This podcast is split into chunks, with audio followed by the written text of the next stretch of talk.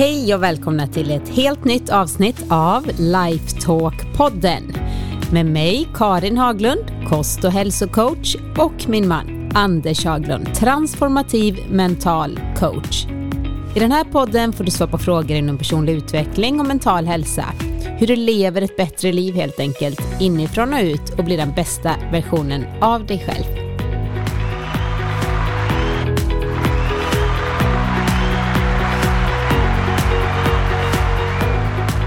Hej Anders! Hej Karin! Hur mår du?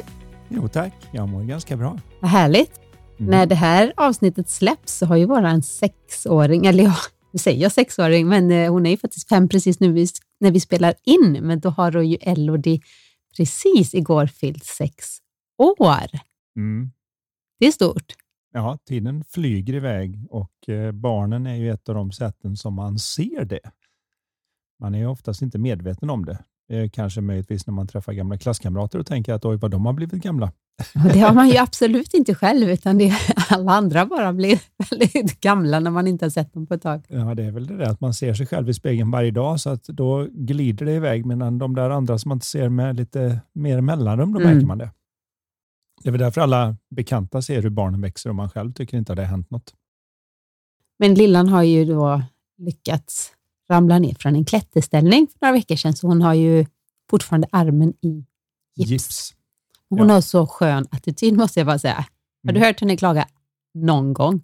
Inte ens direkt när det hände pep hon så mycket mer än att när jag tog henne för att kolla när hela armen hängde snett och ändå har lite eh, idé om sånt där. Jag knickade den lite, lite på plats. Så sa hon bara, det behöver du inte göra om. I varje fall inte så hårt. Men, men, inte ett pip om uh, något annat. Nej. Det var helt otroligt. Och då visste vi faktiskt inte att den var av. Jag trodde eventuellt Eller hade... att det är av, men en, en liten fraktur i armbågsleden. Ja. Ja.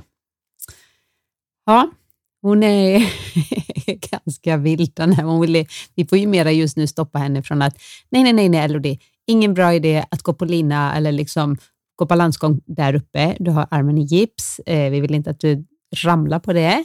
Ja. Eh, du ska inte springa ner för den där trappan med typ baklänges. Ja, igår hade hon boxningsmatch i källaren med storebror och tyckte att det var väl lagom handikapp för honom att ha två handskar när hon bara kunde ha en. Alltså hon är, ja, ja. ja. Ni som känner henne, ni vet, she's crazy. Eh, men det är väl också bara eh, säga det att om fem veckor, Anders, så är eh, vårt mentala retreat. Just det. Tänk. Som jag håller ihop med Jesper Karon. Ja.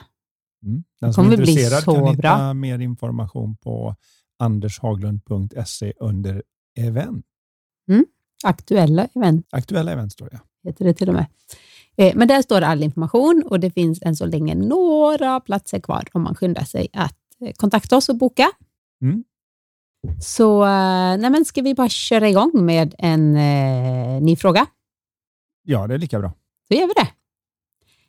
Hej Karin och Anders! Vill tacka för er podd och jag skulle gärna vilja höra Anders utveckla, exemplifiera det han talat om vad gäller att man ofta vill minst av det man behöver mest. Liksom att det man tror är lösningen i själva verket är problemet. Ett litet önskemål från mig, kram från Marie. Ja, hej Marie. Ja, det där började ju lite grann när jag var och föreläste och jag upptäckte att de som kom var ju verkligen så att om någonting så var det de som behövde det minst, för de var ju redan inne på att komma och söka upp informationen. Och när jag då ställde frågan till publiken som var där, det var två, tre, fyra, 500 beroende på hur många som hade tagit sig dit. Och sa det, hur många här kan komma på någon i din närhet som faktiskt behöver vara här mer än vad du själv behöver vara här? Och varenda hand åkte upp.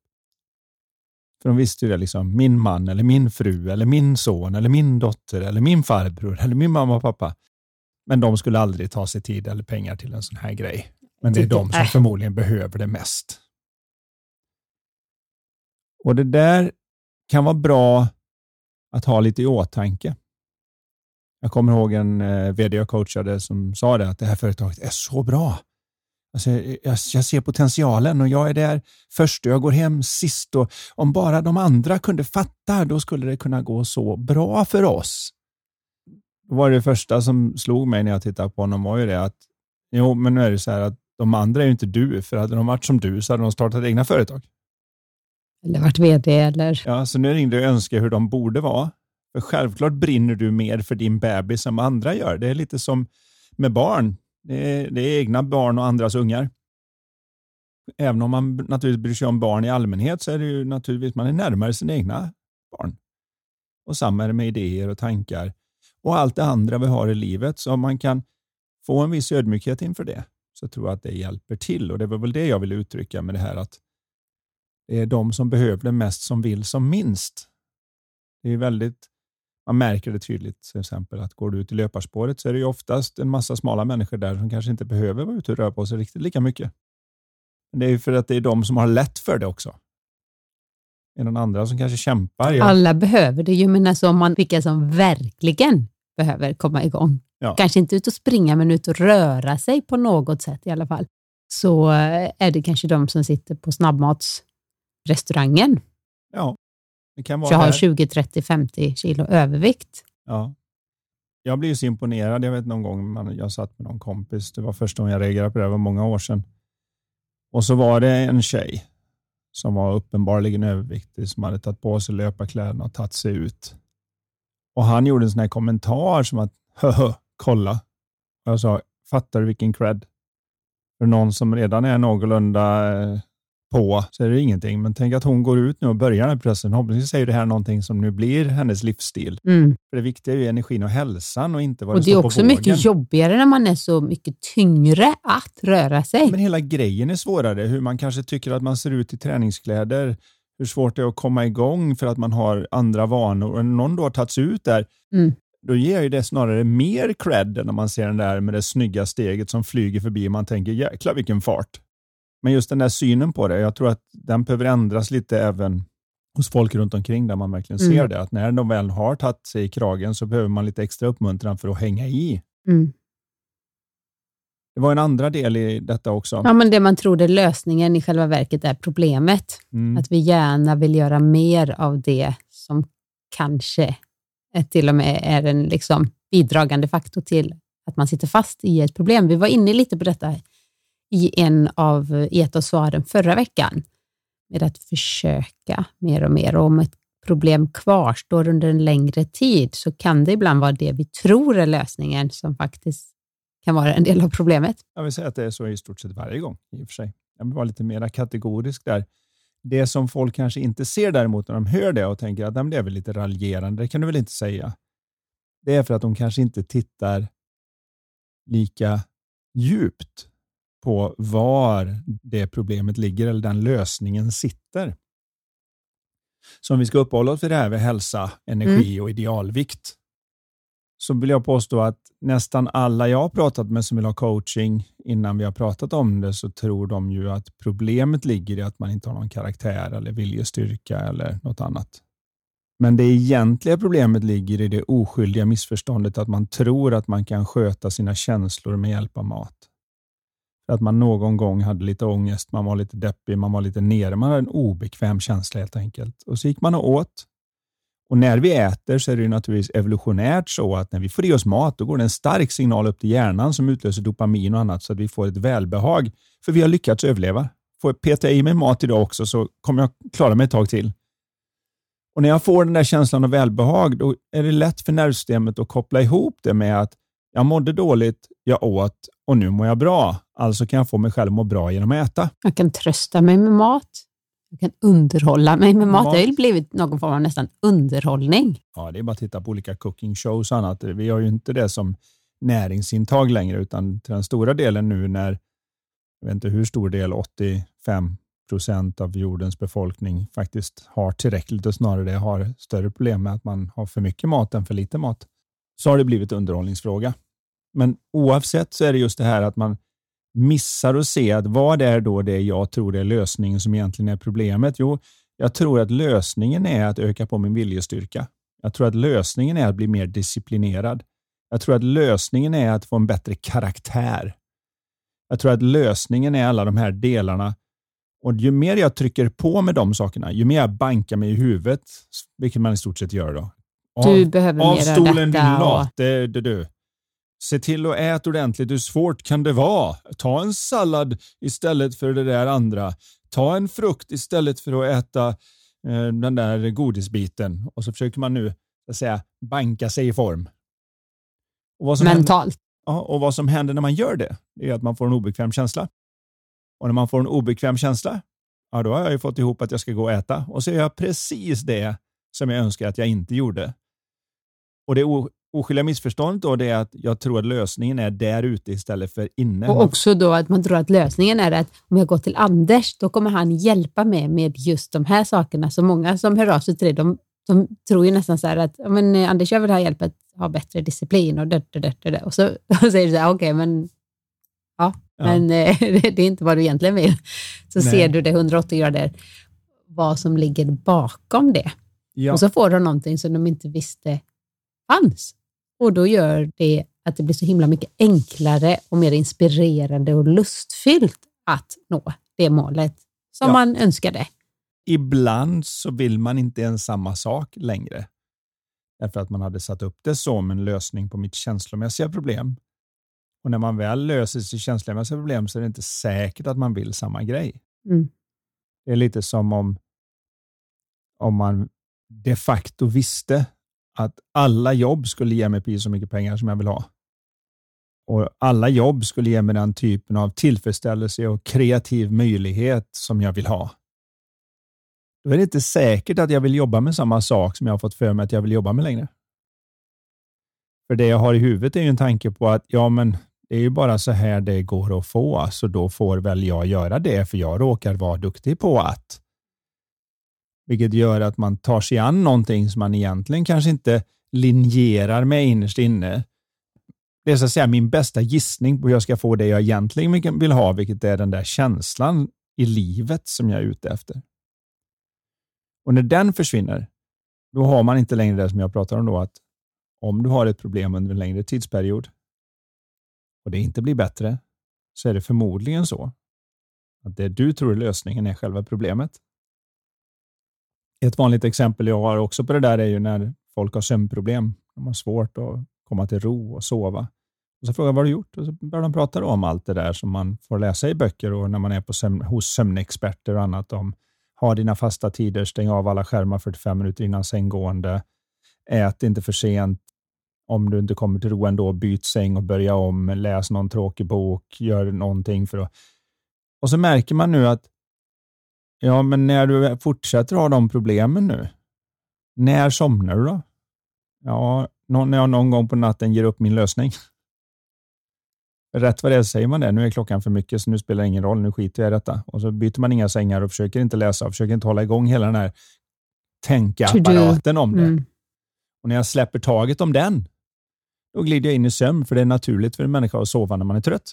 Så om man inte somnar när man egentligen är trött, då har man kommit i vägen för sömnen. Det är inte att man behöver göra någonting för att få sömn. Man har gjort någonting för att komma i vägen för det som naturligt borde hända. Om man inte heter Karin och är väldigt känslig för koffein, och jag dricker inte kaffe, men om jag äter mörk choklad. Jag gillar ju att göra egen food-choklad. Mm. Det kan jag ju inte äta. Du har en hel bok bara om chokladköket. Precis, med liksom nyttig choklad. Men det kan jag ju aldrig äta på kvällen. Nej. Någon gång om jag är väldigt utvilad och råkar äta typ klockan tre eller någonting som är typ sen efter, alltså eftermiddagen. Ja, då är det inte mycket och, sova den natten. Alltså jag kan ju bli så pigg så att jag blir nästan så att eh, liksom, alla andra tror du går på starkare droger. ja, undrar vad som skulle hända, Anders. Herre Jesus. Inte reda på. Skulle, nej, det kommer jag inte ta reda på. Men det är i varje fall själva principen över frågan som är ställd om varför jag tänker som jag gör.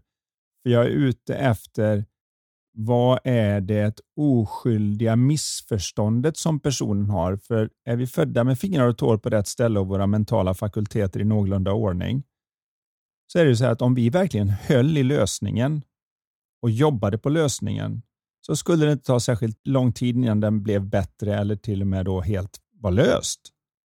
Och om det inte blir så, att det faktiskt inte trendar åt hållet och blir bättre och bättre, eller det absolut inte blir löst, utan och kanske till och med blir värre, Då vet man det, att men vänta nu, nu håller inte jag i lösningen. Men det är väldigt sällan vi utmanar den idén, utan mm. vi tänker bara att nej, jag har inte gjort det hårt nog, jag har inte gjort det smart nog. Och det, borde... Jag märker faktiskt lite samma sak gällande kost och hälsa när jag coachar människor. Man vill så gärna ha liksom någon form av superfood eller något nytt kosttillskott eller ett exakt eh, kostupplägg eller ett exakt, exakt vilken tidpunkt man ska äta eller precis hur mycket man ska äta och allting. Men det, det är sällan man vill höra det här. Okej, okay. ät 800 gram fruktbär och grönsaker per dag. Drick tre liter vatten. Rör på dig varje dag. Sov åtta timmar. Ja, men det, det, har, det har man liksom hört, been there, done that, fast de inte done that, utan de har hört det, men, men det får de liksom inte riktigt till, så man letar efter det där ja, men magiska, tror du inte den här, den här dieten eller det här sättet, eller har du inte hört att det livsmedlet är jättebra, eller det är inte bra, jag borde sluta äta det, för då kanske, okej, okay, börja, håll det ganska enkelt. När man har fått till det här grundläggande, gällande kosten, träningen och så vidare. Det är per automatik, det är en daglig del av, av hur du lever, något du njuter av, något du får till. Då kan man finlira med vissa saker. Men det är så här, ah, men det vill man nästan inte höra. Man vill inte höra vadå vanligt vatten är det så himla bra. Ja, men det ska inte vara eh, det här, det här, det här. Och, nej, det finns märken som tjänar pengar på att tro att vi ska dricka andra saker än vatten. Jag tror också att vi blev utlovade när vi var små i varenda saga och varenda Disneyfilm.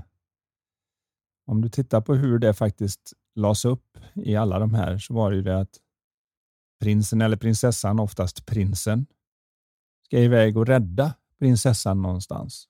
Men den stackars prinsen duger inte som han är. Han är för självupptagen, han är för dålig, han är för osnabb, han är för svag, han är för allt möjligt. Och så någonstans på vägen i den här resan så träffar han på det magiska svärdet, den magiska trolldrycken, den magiska mentorn. Och då plötsligt kan han äntligen slakta den där stackars draken och rädda sin prinsessa från tornet, vilket senare på tid då man har vänt på så är det prinsessan som är den starka och gör det. Men det spelar ingen roll. Det själva idén är alltid att den du är räcker inte riktigt, utan det är den du är plus någonting magiskt som äntligen ska lösa det. Och Det där gick in långt innan vi hade språket fullt utvecklat, så den ligger kvar hos de flesta vuxna som det där att åh, nu är det så jobbigt, kan inte bara någon trolla till det? Någon annan utifrån? Ja, men bara ge mig den där mentorn, ge mig det magiska svärdet, ge mig den eh, bevingade hästen som gör att jag kan flyga över murarna och inte ha de här eländiga mänskliga grejerna. Det var ju så det var utlovat i alla berättelser när jag var liten. Ge mig en superkraft. Låt mig vara en superhjälte i mitt eget liv. Vi är sådana superhjältar i vårt naturliga osuper superjag. Nej, men jag menar, vi är ju så mer, mycket mer fantastiska än vad vi tror ja, när vi ser inåt och lyssnar på vår egen visdom och kommer i kontakt med oss själva. Du behöver inte fundera i många sekunder bara på hur det funkar att böja ett finger eller hur det går till och ens ha en tanke så blir man ju helt fascinerad över hur fantastiska vi är. Men eftersom det är med oss hela tiden så, och vi har de här vanliga mänskliga problemen som det innebär att leva. Så det är väl också ett problem att vi tror att ha problem är ett problem. Men det är en stor skillnad att gå och lägga sig på kvällen och tänka, jag har inte några problem imorgon, snälla låt trollkarlen komma och fixa detta. Och att lägga sig på kvällen och nästan lite exalterat tänka, undrar vad ska jag ha för problem imorgon och hur jag löser dem på bästa sätt. Så man tar problem som en självklarhet och sen är det bara att veta att jag kommer inte ens veta vilka problem. Det ska bli spännande att se min kreativitet om jag kan lösa det här. Känslomässiga problem, praktiska problem, familjära problem, Eh, karriärsproblem, pengaproblem, eh, kroppsproblem. Allt det kommer dyka upp för varenda människa oavsett. Och jag har aldrig träffat någon i alla fall. Som Nej, ingen som kommer säga det. Jag, jag föddes och sen gick jag omkring och så dog jag och hade inga problem. Utan i så, fall, I så fall har man det som sitt problem. Fan, det händer inte mig no, några. Jag har inga utmaningar. Exakt. Har jag du lever, någonting? Nej, jag har inte växt. Jag, liksom, jag har en silversked i mun här. Vad fasingen. Give me some problem. Eh, jag vet, jag sa det till och med på någon föreläsning eh, när det var någon som frågade liksom, men varför har man alla dessa problem? Det kan jag svara på. Va, kan du? Ja, det kan jag. Födsel. Utan födsel, inga problem. Är du född så har du problem. Och Faktum är att varenda människa, om vi tittar på det rent ekonomiskt, så får du betalt i förhållande till antingen hur stora problem du kan lösa, hur avancerade, komplicerade problem du kan lösa, eller hur många problem du kan lösa. Så antingen löser du många små problem och så får du en lön, eller så löser du några få stora problem och får en annan lön. Men allting går ju ut på att om det inte fanns ett logistikproblem, om det inte var ett problem på det där du jobbar med att få fram saker i tid med god kvalitet till ett visst pris, om inte det var lite klurigt så hade inte logistikchefen haft ett jobb. För då finns det inget problem att lösa med det.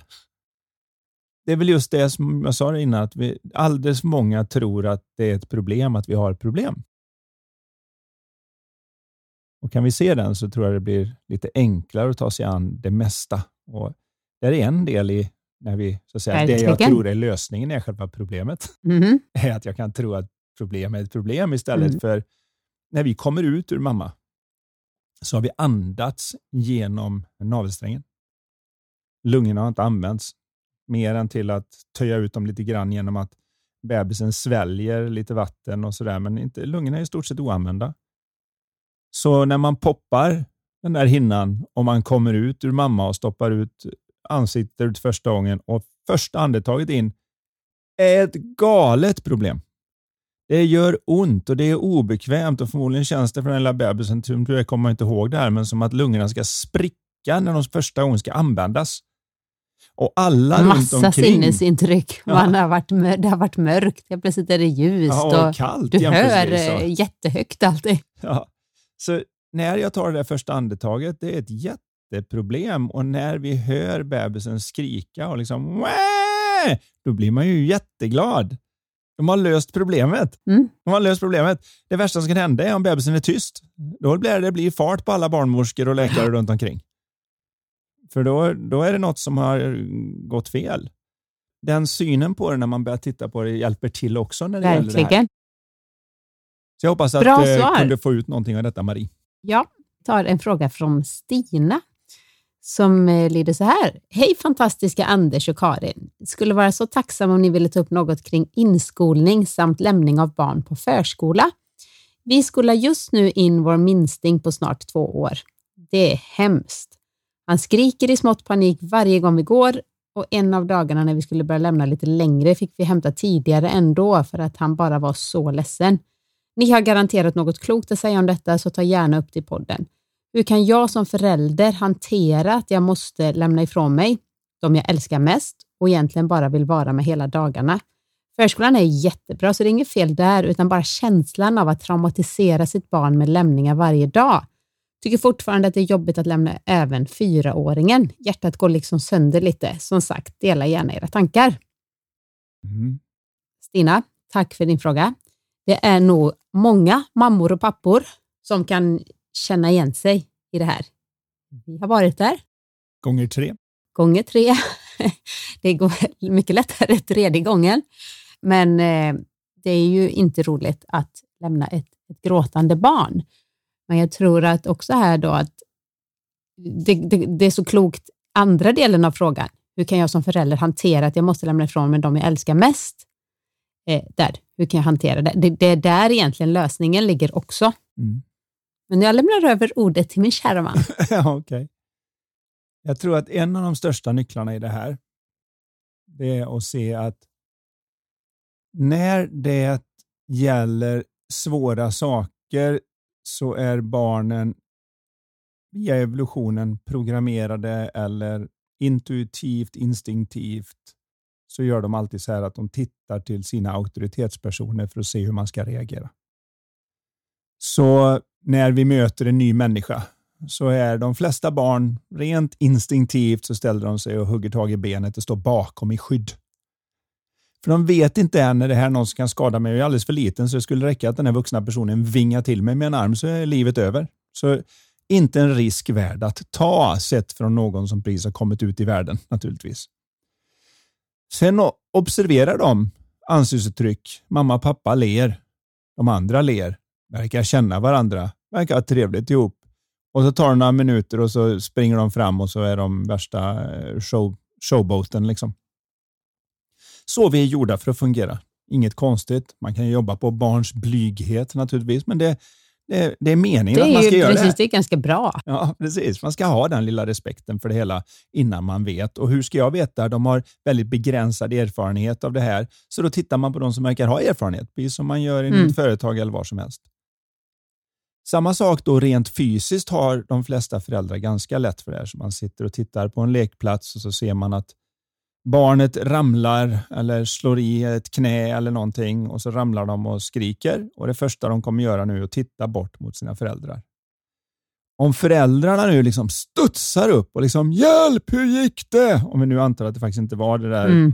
som faktiskt är att någonting allvarligt har hänt, utan det där vanliga som brukar hända där man samlar på sig blåmärken och annat. När då föräldrarna hoppar upp så tittar barnet på det och säger “Wow, det här måste vara jätteallvarligt.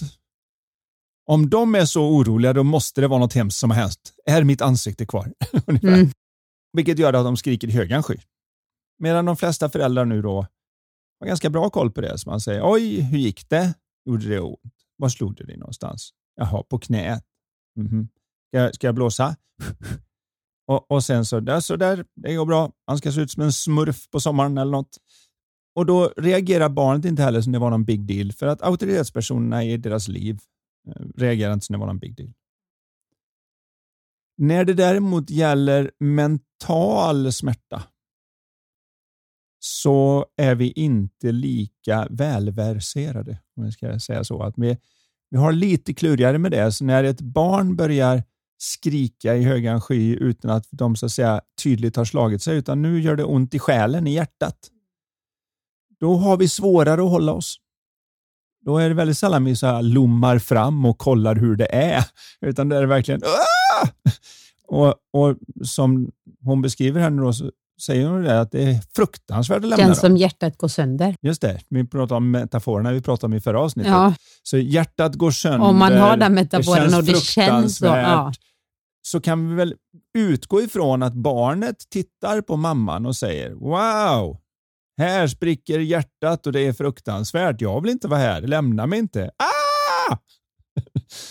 Så det blir ett moment 22 i det där. Mm. Men det gäller att se att det här fungerar ungefär som det rent fysiska. Att om jag tar det lite lugnare, och då menar jag, jag kan inte spela lugnare, barn ser rakt igenom mm. det in i känslan, utan det kräver att jag ser någonting nytt som tillåter mig att klara av avlämningen med mindre... Lite mindre drama Egen, själv. precis.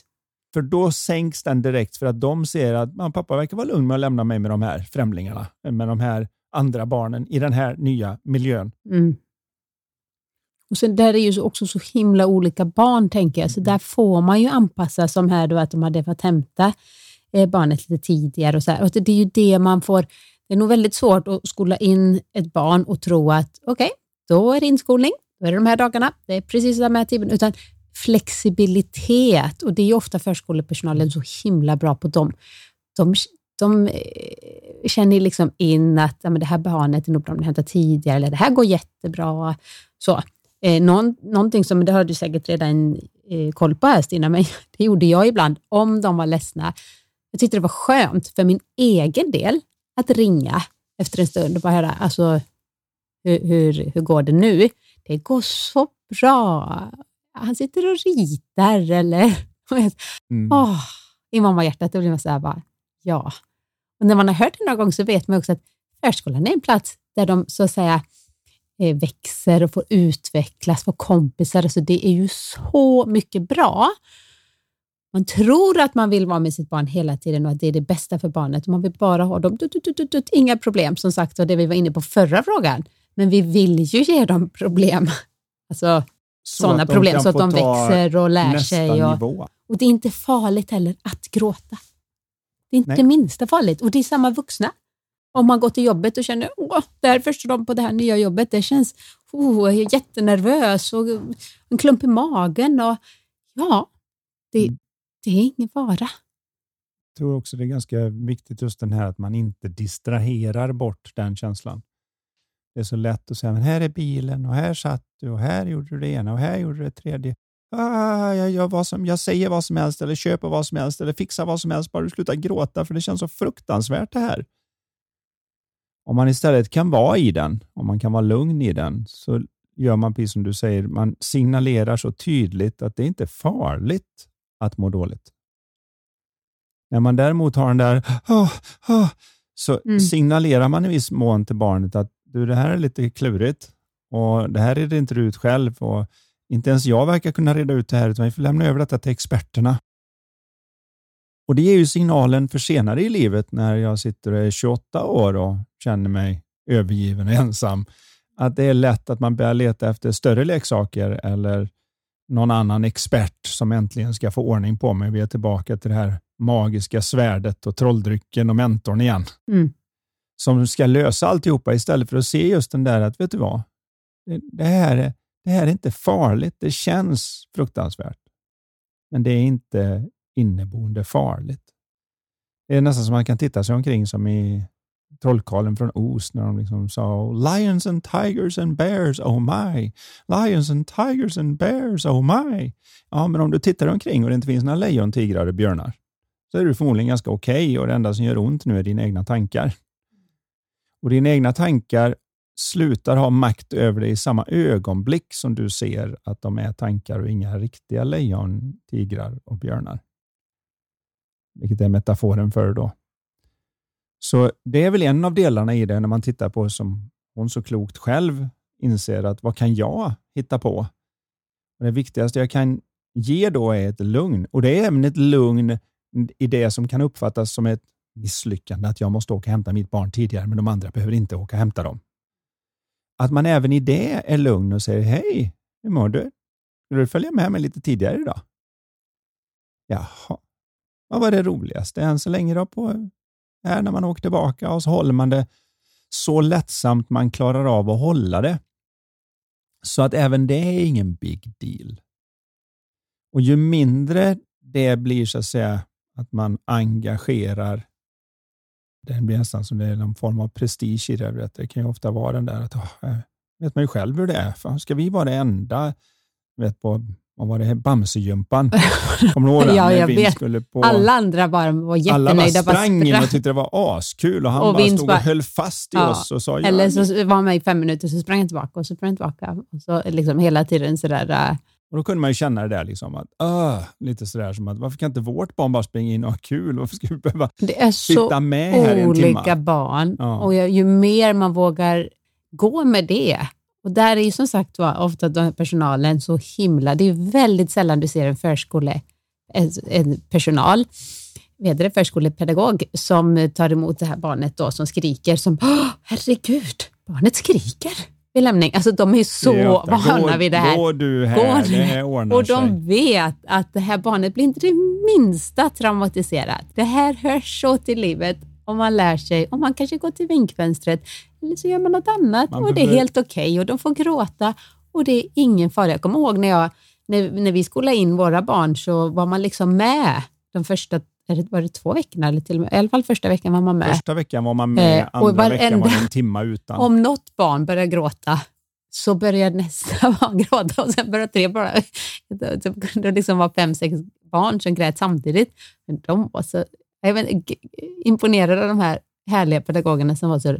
De, de, tar liksom, de vet att det är en naturlig del. Ja, men i, när det är inskolning i augusti, då är det lite så. Sen så i september, då är det lite så. Sen i oktober, sen på våren, då är det mycket... För de hade ju bara inskolning en gång per år, så, så ja. de visste liksom. Och det följde det här och barnen blev så trygga. Och eh, Det bästa jag, man vet sen när, när dina barn kommer bli lite större, när de, man hämtar och liksom, de bara lyser upp och haft en så fantastisk dag. Mm. Med nya lärdomar och aktiviteter som är svårt att matcha på det sätt som andra barn och de lär ju sällan den sociala verksamheten med att veta vad betyder det när någon lyfter ögonbrynen eller mm. när någon använder rösten sådär. Och det blir konflikter och så gråts det och det är någon som bankar till någon och så lär man sig att hantera vad säger vi nu och hur ber man om ursäkt och hur kommer vi att bli kompisar igen. Och, eh, allt det där som så... är så svårt utan livet är en kontaktsport. Mm. Och det går inte att vara nära ens och skydda, utan faktum är att du vill inte ens det. Det vore som den här Pojken i bubblan tror jag han hette. Det var någon som föddes med svagt immunförsvar. De ville skydda honom från allt, så han fick bo i någon form av plastbubbla för att bakterier och virus och allt vad det nu mm. dammpartiklar och allt som kunde då skada honom skulle försvinna. Och han blev bara svagare och svagare och svagare och svagare. Naturligtvis. Därför mm. att hans immunförsvar fick inte ha problem att lösna. Så ibland så när vi skyddar för mycket så får man inte den chansen. Givetvis så måste man skydda från allt sånt som gör att man inte får en andra chans. Du, du skulle ju inte egentligen vilja så här, träffa ditt livs kärlek när du är 15. Din, din första förälskelse någonsin och vara gift hela ditt liv. Det låter som så här, åh gud romantiskt. vad romantiskt. Ja, men hur ska du lära dig relationer? Alltså, det kan ju hända och det, det kan ju bli jättebra, men för de flesta så behöver vi stöta och blöta lite, så vi behöver lära oss, vi behöver bli lämnade, vi behöver göra slut själva, vi behöver kanske så här, bli utmanade, märka att det där triggar mig eller man sån relation vill jag inte ha. Man, man vet för... ju inte ens vem man är själv typ när man är 15. vet man inte vad man har för kantiga sidor innan man får skava mot en annan person. Om man har lite självinsikt så upptäcker man det, annars kommer man bara säga att det är de som är kantiga, så nu, det här håller inte. Men... Då blir man en väldigt jobbig person ja. som alltid kommer hitta problemet hos den andra personen.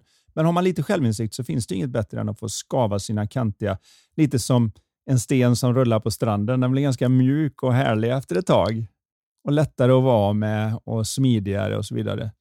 Så det ju händer ju i den kontakten. Du behövde skava lite fler stenar innan vi träffades för att du är 14 år äldre än mig. Så jag var lite, ja, du, det gick lite fortare för mig. Är, så, eller så är du mjukare och jag är lite kantigare. Nej, men på riktigt här, Stina, hoppas verkligen det här gav eh, lite mera hopp. Och återigen, och det, det, går liksom inte svensk förskola att traumatisera sitt barn, tror jag inte, om det är någon, eh, inte är någon idiot som jobbar där eller det händer något ja, det kan väldigt. Man aldrig, naturligtvis det kan man aldrig garantera, men jag säger just det här vanliga, ledsen, ledsen, ledsen, kanske pågår i veckor. Mm. Det, det... Jag, jag, vill summera det med det som hon själv nämnde i sin fråga och det är det att ingenting gör mer för ditt barns förmåga att klara detta än att du är lugn i det när du, när du hanterar det. Lugnare? Ja, för i samma stund som man själv håller med, alltså med andra ord att man är lite, åh, jag tycker också det här är hemskt, jag förstår det precis. Det är härligt att få sympati, men det hjälper mig inte att överkomma min utmaning så är det med allting. Liksom, Åh, har du, har du skilt dig? Har jag med. Åh, det andra könet är ju fruktansvärda. Sådana håller de på jämt. Jätteskönt, men det hjälper mig inte att komma framåt riktigt. I det här fallet då så är det just att se den. Att ju, ju mer jag kan ärligt vara okej okay med överlämningen och ärligt vara okej okay med att behöva hämta tidigare och bara se att det här kommer, de kommer inte komma krypande och skrikande in i styrelserummet sen när de är 35 det, är bara, det ingår i den här, men det är inte så lätt för antingen så vet man om det här och då är det goda råd som faller platt, eller så förstår du någonting av det vi pratar om här och ser att det här är en vettig mm. sak och då behöver du inte använda tålamod och disciplin och viljestyrka, utan det är som en no-brainer att vara lugn när du lämnar över. Det, och man kan också, det kan ju vara att det triggar att man själv blir ledsen när man ser sitt barn. Men det, det finns, det, vi har varit inne på det innan, det är olika grader av, alltså olika, att vara ledsen kan kännas ändå bra. Alltså man kan känna sig ganska mentalt klar och känna att det här, det här är bra, men nu är jag också, mamma också lite ledsen. Och vara helt okej okay med det också, men inte det här om man har de här metaforerna att det spelar upp, hjärtat går sönder, jag traumatiserar mitt barn, eh, det här går inte alls. Det är inte det man vill förmedla, men om man kan vara lugn med, oj, ja, men nu känns det lite jobbigt här när, när, när det blir en så lite jobbig lämning. Det är klart att det känns jobbigt. Det, jag, det tyckte jag också de gångerna när det var jobbiga lämningar. Jag tyckte det var jättejobbigt, men jag var någonstans okej okay med det. Och, och ville jag så kunde jag ringa och så bara, eller så skickade de ett sms. Det går så bra nu. Det var jättekul. När de var hämtade så ville de inte åka hem. Och i ärlighetens namn när de är så små så att de skolas in, vilket brukar vara någonstans i tvåårsåldern. Mm, det var ju två här. Ja, så har de ju ett uh, attention span. Alltså de, de, de, vet ju inte ens om att de har en mamma eller pappa inom 5-10 minuter oftast. Utan då är det annat som är viktigt. Men det är klart, känner de då inte sig trygga där och att man har blivit deras snuttefilt så kan det vara en lite längre period innan man vänjer sig. Och som sagt olika barn, olika känslighet ja, och olika så vidare. relation i hur man hur man visar att vi har kontakten, för ibland gör man det via titta vad jag är stressad och orolig för dig. Det betyder att jag älskar dig mycket. Mm. Och Det finns så många andra sätt att bry sig och tycka om någon än bara genom att visa oro och nervösa känslor när man tänker att det inte ska gå bra. Den är viktig att se. Att vad är det bästa sättet att bry sig om ett barn när jag ska lämna och hämta och allt det här? Och bara en titt i den riktningen. Det var en bra fråga där man kan ta med sig. Vill du upprepa den igen? Ja, jag vet ju aldrig ens vad jag säger. Nej, för du sa, vad är det bästa sättet? Nej, vad sa du? vad, är det, hur är det, vad är det bästa sättet att hämta och lämna mitt barn?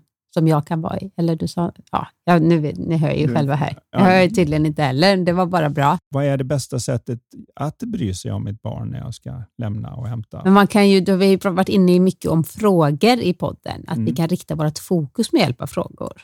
Så kanske att innan man går ur bilen eller om man lyfter ur barnet ur barnvagnen om man har promenerat till förskolan, kanske man bara kan connecta, landa lite och bara hmm, göra sig redo för den här stunden på något sätt och eventuellt ställa någon liten fråga. Om du kan komma på en, en bra formulerad fråga. Jag har en där som de kan spola tillbaka till. Jag försöker vara så ren som möjligt när jag svarar på frågan så att man inte har en massa filter och bara försöker låta smart utan att det ska komma någonting som är från hjärtat där vi alla människor försöker göra så gott vi kan.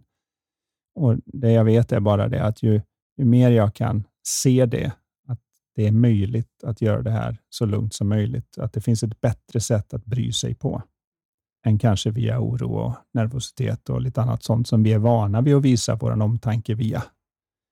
När någon inte är så orolig så tittar ju många, många oroliga föräldrar som ser andra föräldrar som inte är dugg oroliga när de gör det. De tycker, bryr ni inte om era barn? Som om det fanns någon likställdhet där.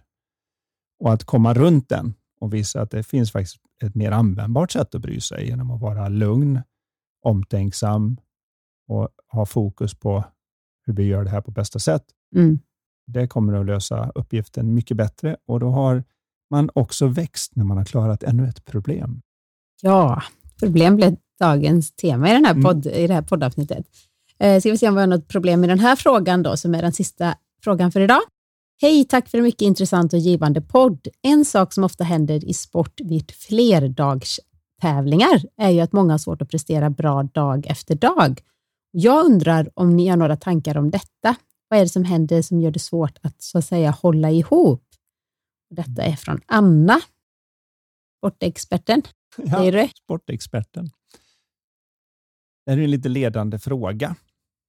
Men det man ska komma ihåg är att vi är biologiska varelser vi rör på oss på alla möjliga sätt. Celler dör, celler kommer till.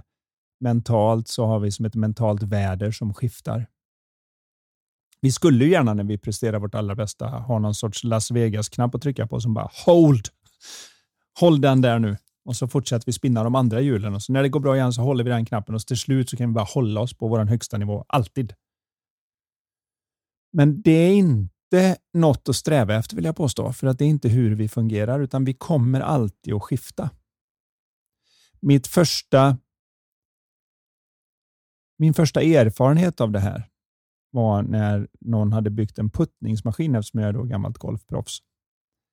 Och den här puttningsmaskinen slog perfekta puttar. Man kan alltså bestämma att bollen susade ut med perfekt fart i den perfekta linjen och så gick den ner i hålet. Men så fort du kom ovanför kanske tre meter eller någonting när du gjorde det här, så kunde inte maskinen sätta mer än 9 och 10. Den kommer missa den ändå. Och då tyckte man, varför? Den slår den perfekt. Ja, för att gräs är ett levande material och skiftar och solen hinner röra på sig lite grann och då ställer sig gräset i en annan riktning och så tar den med sig bollen åt ett annat håll. På samma sätt är det när vi ska prestera. Så när vi har gjort något riktigt bra, det här är nu bara min erfarenhet efter att ha coachat x antal olika elitidrottare i olika sporter och sådär, är att när vi gör någonting riktigt bra så vill vi gärna göra en copy-paste på det. Så vi säger copy den, pasta in den imorgon. Och så tänker vi, vad lyssnar jag på för musik? Hur knöt jag på mig skorna? Hur tog jag på mig kläderna? Vad tänkte jag på? Vad gjorde jag? Och så går jag ut och hur tänkte jag min rutin? Och så gjorde jag min rutin och så gjorde jag exakt som jag gjorde. Och så går det, det inte lika jobbigt. bra. Då går det inte lika bra och säger man, varför går det inte lika bra? Jag gör exakt vad jag gjorde igår. Då måste jag lägga till en sak på ja. min rutin. Och då, och då glöm, glömmer de ofta det att ja, men igår så tänkte jag inte på allt det. så det gäller att komma in fräsch om du ska kunna till exempel vid en flerdagstävling, beroende på vad det är, men det är väldigt få som håller på i mer än fyra dagar. Beroende på vad det är för. Det finns ju tennisturneringar som kanske håller på en vecka. Eh, golfturneringar håller oftast på fyra dagar. Eh, det finns lite andra fältryttare och lite andra sådana som går över tid. Förmodligen även cricket och sånt. När vi nu tittar på de sporterna så gäller det att komma in så fräsch som möjligt och anpassa sig efter de förutsättningar man har. Det är liksom det som är lite grann som warm-upen är till för. Förutom att göra kroppen redo och varm och mm, kolla att allting funkar. Så alla elitidrottare jag pratat med som är riktigt duktiga, de använder warm-upen för att känna vart gräset lutar idag, så att säga, om jag nu ska jämföra med den metafor jag använde innan. Så man vet att idag så känns det lite sådär och för att göra samma sak så behöver jag ha en liten annorlunda känsla. För kör jag en copy-paste så blir det inte likadant, för det är, det är inte samma förutsättningar idag. En ny dag. Ja. Om jag då tittar på det som ingenjör, för min skärningspunkt är ju mellan idrottsmannen, ingenjören och psykologen om man säger så. Och den skärningspunkten blir lite annorlunda. Tittar jag på det som ingenjör så är det ju så här att en tennisboll har ingen aning om hur människan som håller i racket mår. Den bryr sig bara om vilken fart kommer racket med i vilken vinkel. Och Beroende på vad den gjorde så kommer bollen flyga dit den ska flyga. Den kommer inte ändra på sig bara för att du var inte på rätt ställe nu eller du var inte på gott humör eller du tänkte negativt. Nej, bollen bryr sig inte om det. I den mån man kan förstå det så inser man att jag kan prestera på topp oavsett mitt skiftande mentala och fysiologiska väder som är där inne. Beroende på hur jag har sovit, beroende på hur jag har ätit, beroende på vad, vilka tankar som susar genom huvudet och ser verkliga ut för mig just nu, så skiftar hela det här. Men jag kan fortfarande få till det jag ska. Och utan att man behöver tänka på allt det här. Man Nej. behöver inte tänka på att justera och känna in kroppen och känna in Nej. det och känna in gräset. Utan, utan det sker lite på automatik när man är så, så här, som du säger, kommer in i det fräscht. Men det är väldigt viktigt just att ta det nytt som om det inte hade hänt förut. För det är så lätt att komma in med fördomar. Vi är duktiga på det helt enkelt. Fördomar håller oss vid liv och Eh, för att vi då vet att det var en, en av det folkslag var taskig mot mig så dyker det upp en annan. Så tänker jag var lite försiktig den här gången för man vet inte, de kanske är sådana allihop. Det är ju fruktansvärt på ett sätt när vi får för oss då om olika folkgrupper och politiska åskådningar och allt som pågår just nu i världen, att vi bara dömer alla över en, över en kam så att säga. Men det har hållit oss vid liv, så den sitter ju där. Och Vi gör det gärna då när vi ska in och prestera också, fast vi gör det och försöker göra det i en positiv bemärkelse. Att när jag gör så här och tänker så här och är på det här sättet, då blir det bra. För att kunna göra det så gäller det att se att jag behöver komma in fräsch, som om det är en ny dag på riktigt. Det är det ju alltid. Men det är, ändå, det är ändå viktigt att se den, att det enda som kommer emellan är hur kroppen känns och vilka tankar som susar mellan öronen just nu. Och om jag kan här är lite intressant. Jag tar det här som en jämförelse.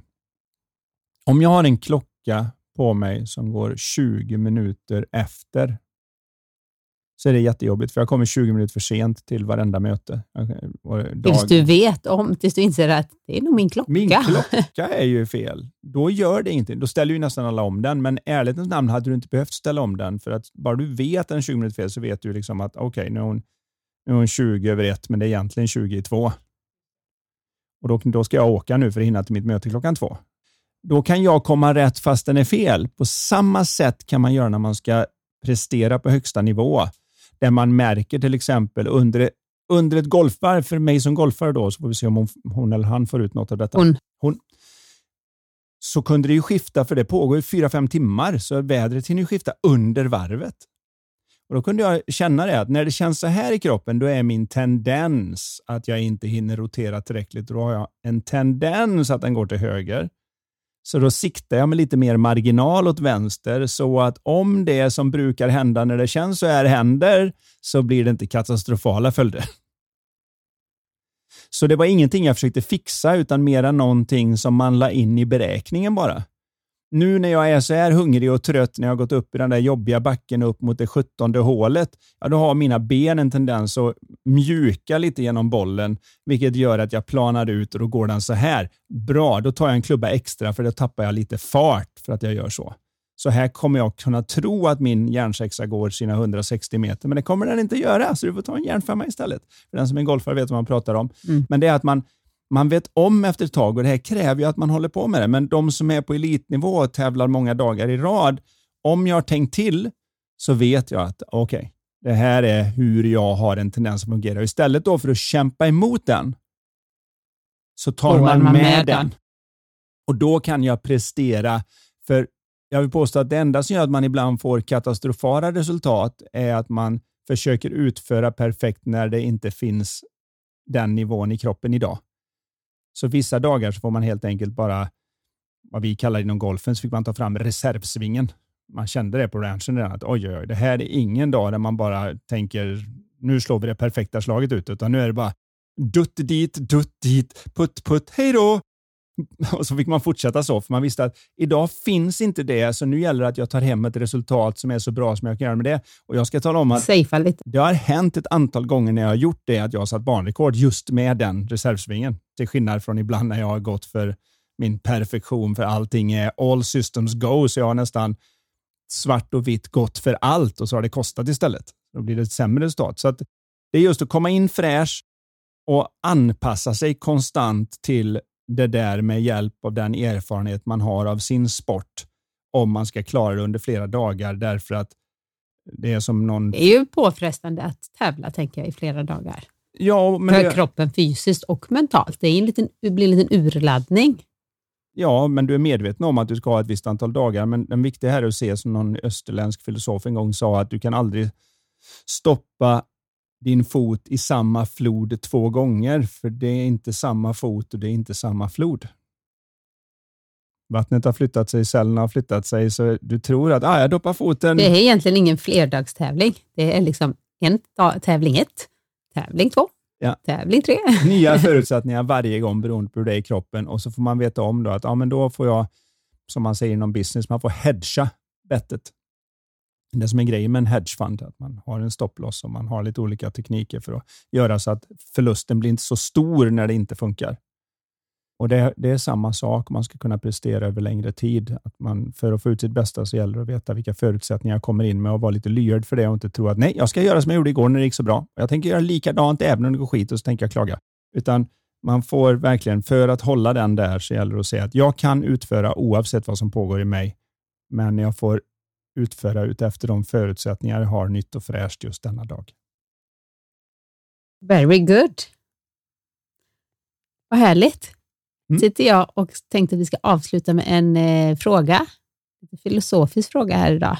Från ja, vårt spel. Ett Lifetalk-kort från vårt Lifetalk-spel. Och idag så får ni fundera över den här frågan. Vad tror du händer efter döden? Mm. Jag älskar att diskutera sånt. Du gillar att diskutera allt sånt där som inte går att kolla upp riktigt. Ja, och det är, där har vi lite olika, jag och min kära man. För min man är vetenskapsman och jag är lite mer, vad är jag Anders? Icke-vetenskaplig. Jag, jag är lite mer som Skalman i Bamse nu när man håller på att ha barn i vår ålder som man läser Bamse. han säger ju det, jag tror inte någonting jag inte vet. Så... Vi har två vetenskapsmän i familjen. Vi har också våran Colin som säger exakt samma sak. När jag säger Colin, vad tror du om det? Jag tror inte.